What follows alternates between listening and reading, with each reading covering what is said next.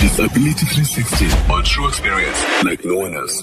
And this morning on our Disability 360, we chat to i-guest yethu ke this morning uh, or Mr. Uh, Lukhanya Skonyela ukhona ke enkubeni uh, emnxebeni ke.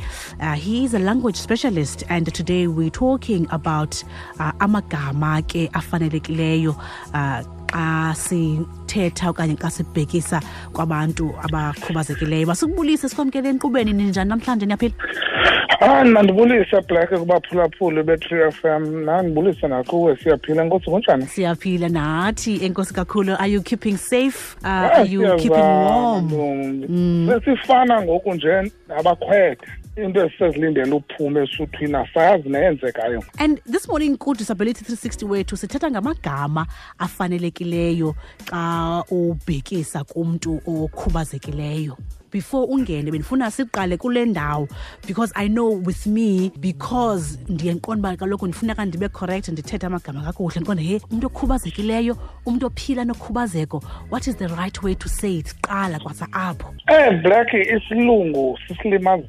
Iilwimi zethu ngoku sifuna uzithetha ngesilungu. Le nto sithetha ngayo phaa xa sesiyithetha ngolwaselihlangeni sithi zii-social linguistics. okay Ulwimi noluntu.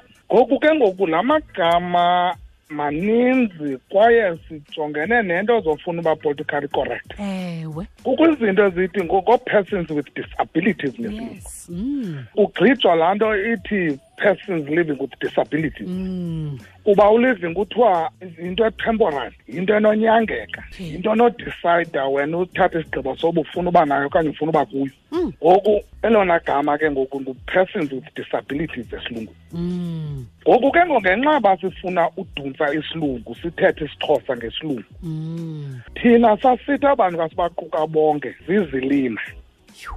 space yokulimala Oh, okay. kodwa ngoku ngenxa yale nto besithi zii-language and society uluntu nofuthelana kweentlanga kuba ngoku kwalapha kwanguni igama lesilima lithethe enye into kwabanye ii-groupings apha within the nguni Okay. Mm. Ba- abantu baneentloni ulisebenzisa eli gama lesilima bayitolika ngolunye uhlobo Ewe. kuba kwaZulu kuthiwa kawusisilima kuthetha uba ubhangxekile apha entloko Mm. not uba u- une-disability ngokwe-intellectuality yakho kodwa kuthiwa ngumntu nje obhanxekileyo le nto sithi thina uphambene Mm. so ngoko ke abantu ngoku eli gama lesilima abathanda ungalamkele ungalamkeli ngenxa ba libhekiselele kwaZulu kwenye intetho sazama ke ukwenza le nto kuthiwa i-political correctness Yes. akho mntu ukhubazeke negama lokhubazeko ligama lesizulu kwalona Ah.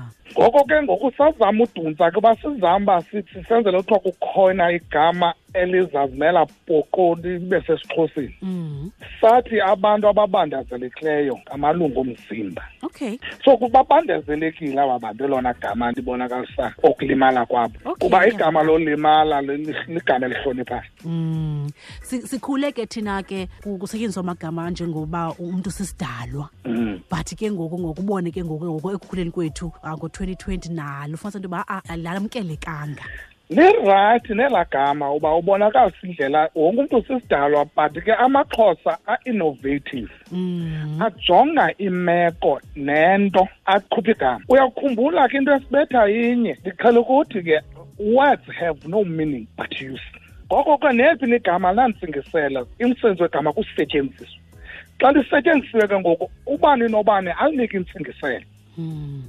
kubekho ke amaqwalashu ooqhimqoshe oongqondogqwirha abasebenzise ulwimi ngeenjongo zonyemba nodiliza no- nothoba isidima somntu la kuzo kweve kuza kuvele le nto yamagama athukayo wona amagama ezimele nje awathuki Mm. ngala maqwalashu la asenso ulwimi ngendlela engeyiyo ngendlela yobulala notyumza izidima zabantu abathile Mm.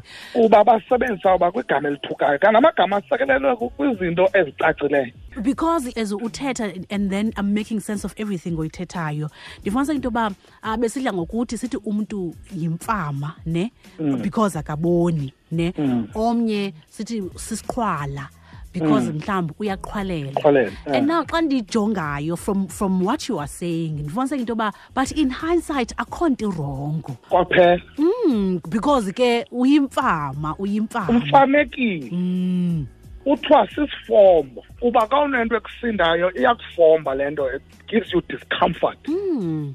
so akho nto ithukayo apho usisifombo kuba u- unale nto ikwenzela i-discomfort apha emqolo kuwe so ke ngoku ubandazelekile ngokwelungu lomzimba apha phakathi kwamatha ngoku uzawuthi uthuka njani Mm. kwenza umzekelo 2005 lapha e-good news Okay. sibizwa ngaba bantu kuthiwa zii-albino bakhetha ubizwa ngesilungu Mm. aba bantu ngabantu abankawu sababiza ke sathi zani ke kha- khanisixelele nifuna ubizwa ngantoni but afuna kuthiwa size-albino sithi hayi kaloku niyasibhoxa ngoku sibuza ngegama lesixhosa Okay.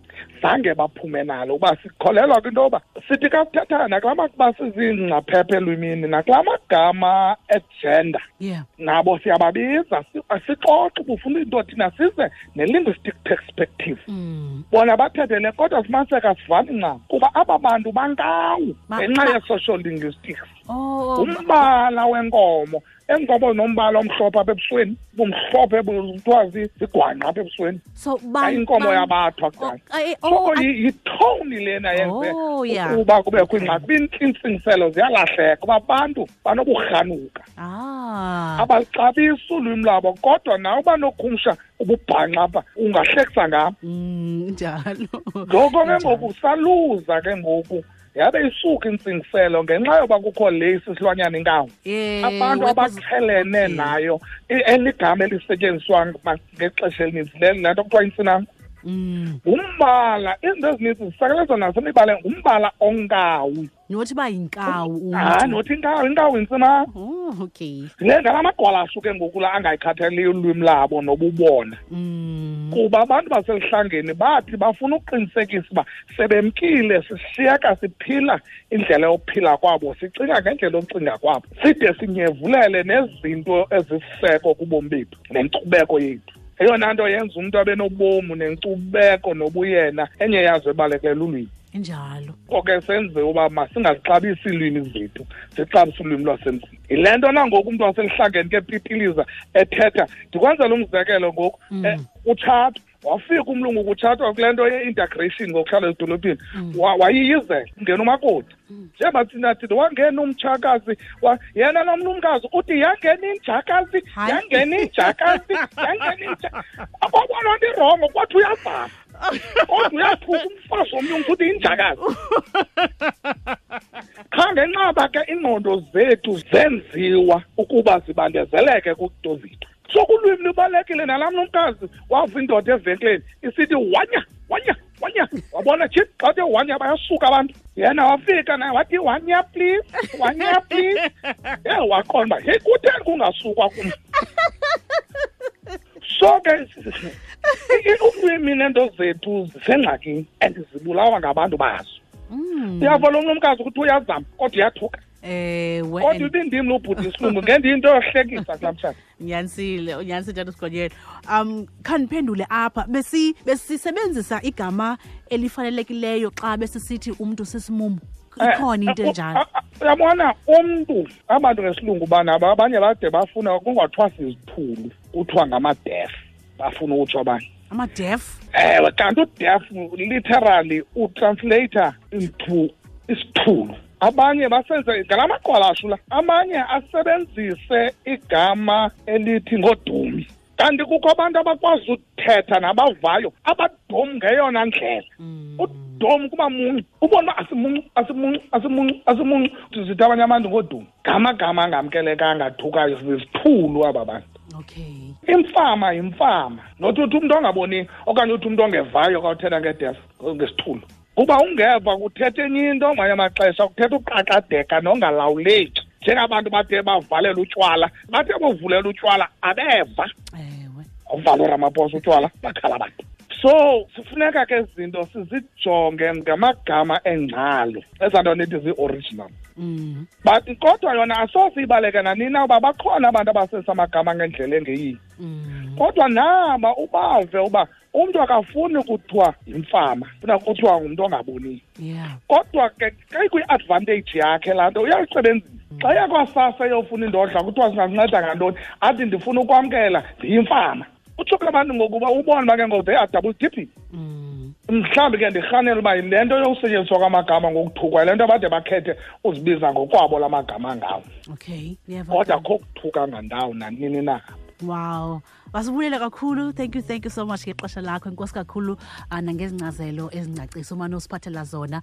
uh, for us to be able to learn uh, and also get grow uh, from these conversations enkosi kakhulu tatisigonyana sabulela nathi sibulela nina maniblet isikhululo abalandeli nabaphulaphuli besikhululo kuba ezinto sakhonkxa ngoku u-q f m izama kangangoko uba thina sitishisa abantu abatsha sibuyele kwiinto zethu sikhulule la matyathanga sakhonkxwa ngawo Mm. kuze sikwazi uba siyazi ubuthina buxhomekeka indlela esenza ngayo izinto nohloniphi iinto zethu ngoko ke siyayibulela ke le buyambo niza nayo niyigcine njalo enkosi kakhulu ke nihlale nikhuselekile ke ne sakhuseleka mntakasisa thank you so so much sincola naye uh, utata sigonyela and he is a, uh, a language specialist ke talking about amagama ekufanele- afanelekileyo efanele uba siyawasebenzisa kanye asiwasebenzisi uh, when we talk about uh, people living with a disability thank you thank you thank you idisability 360 ubuyiphathelwe yitrue fm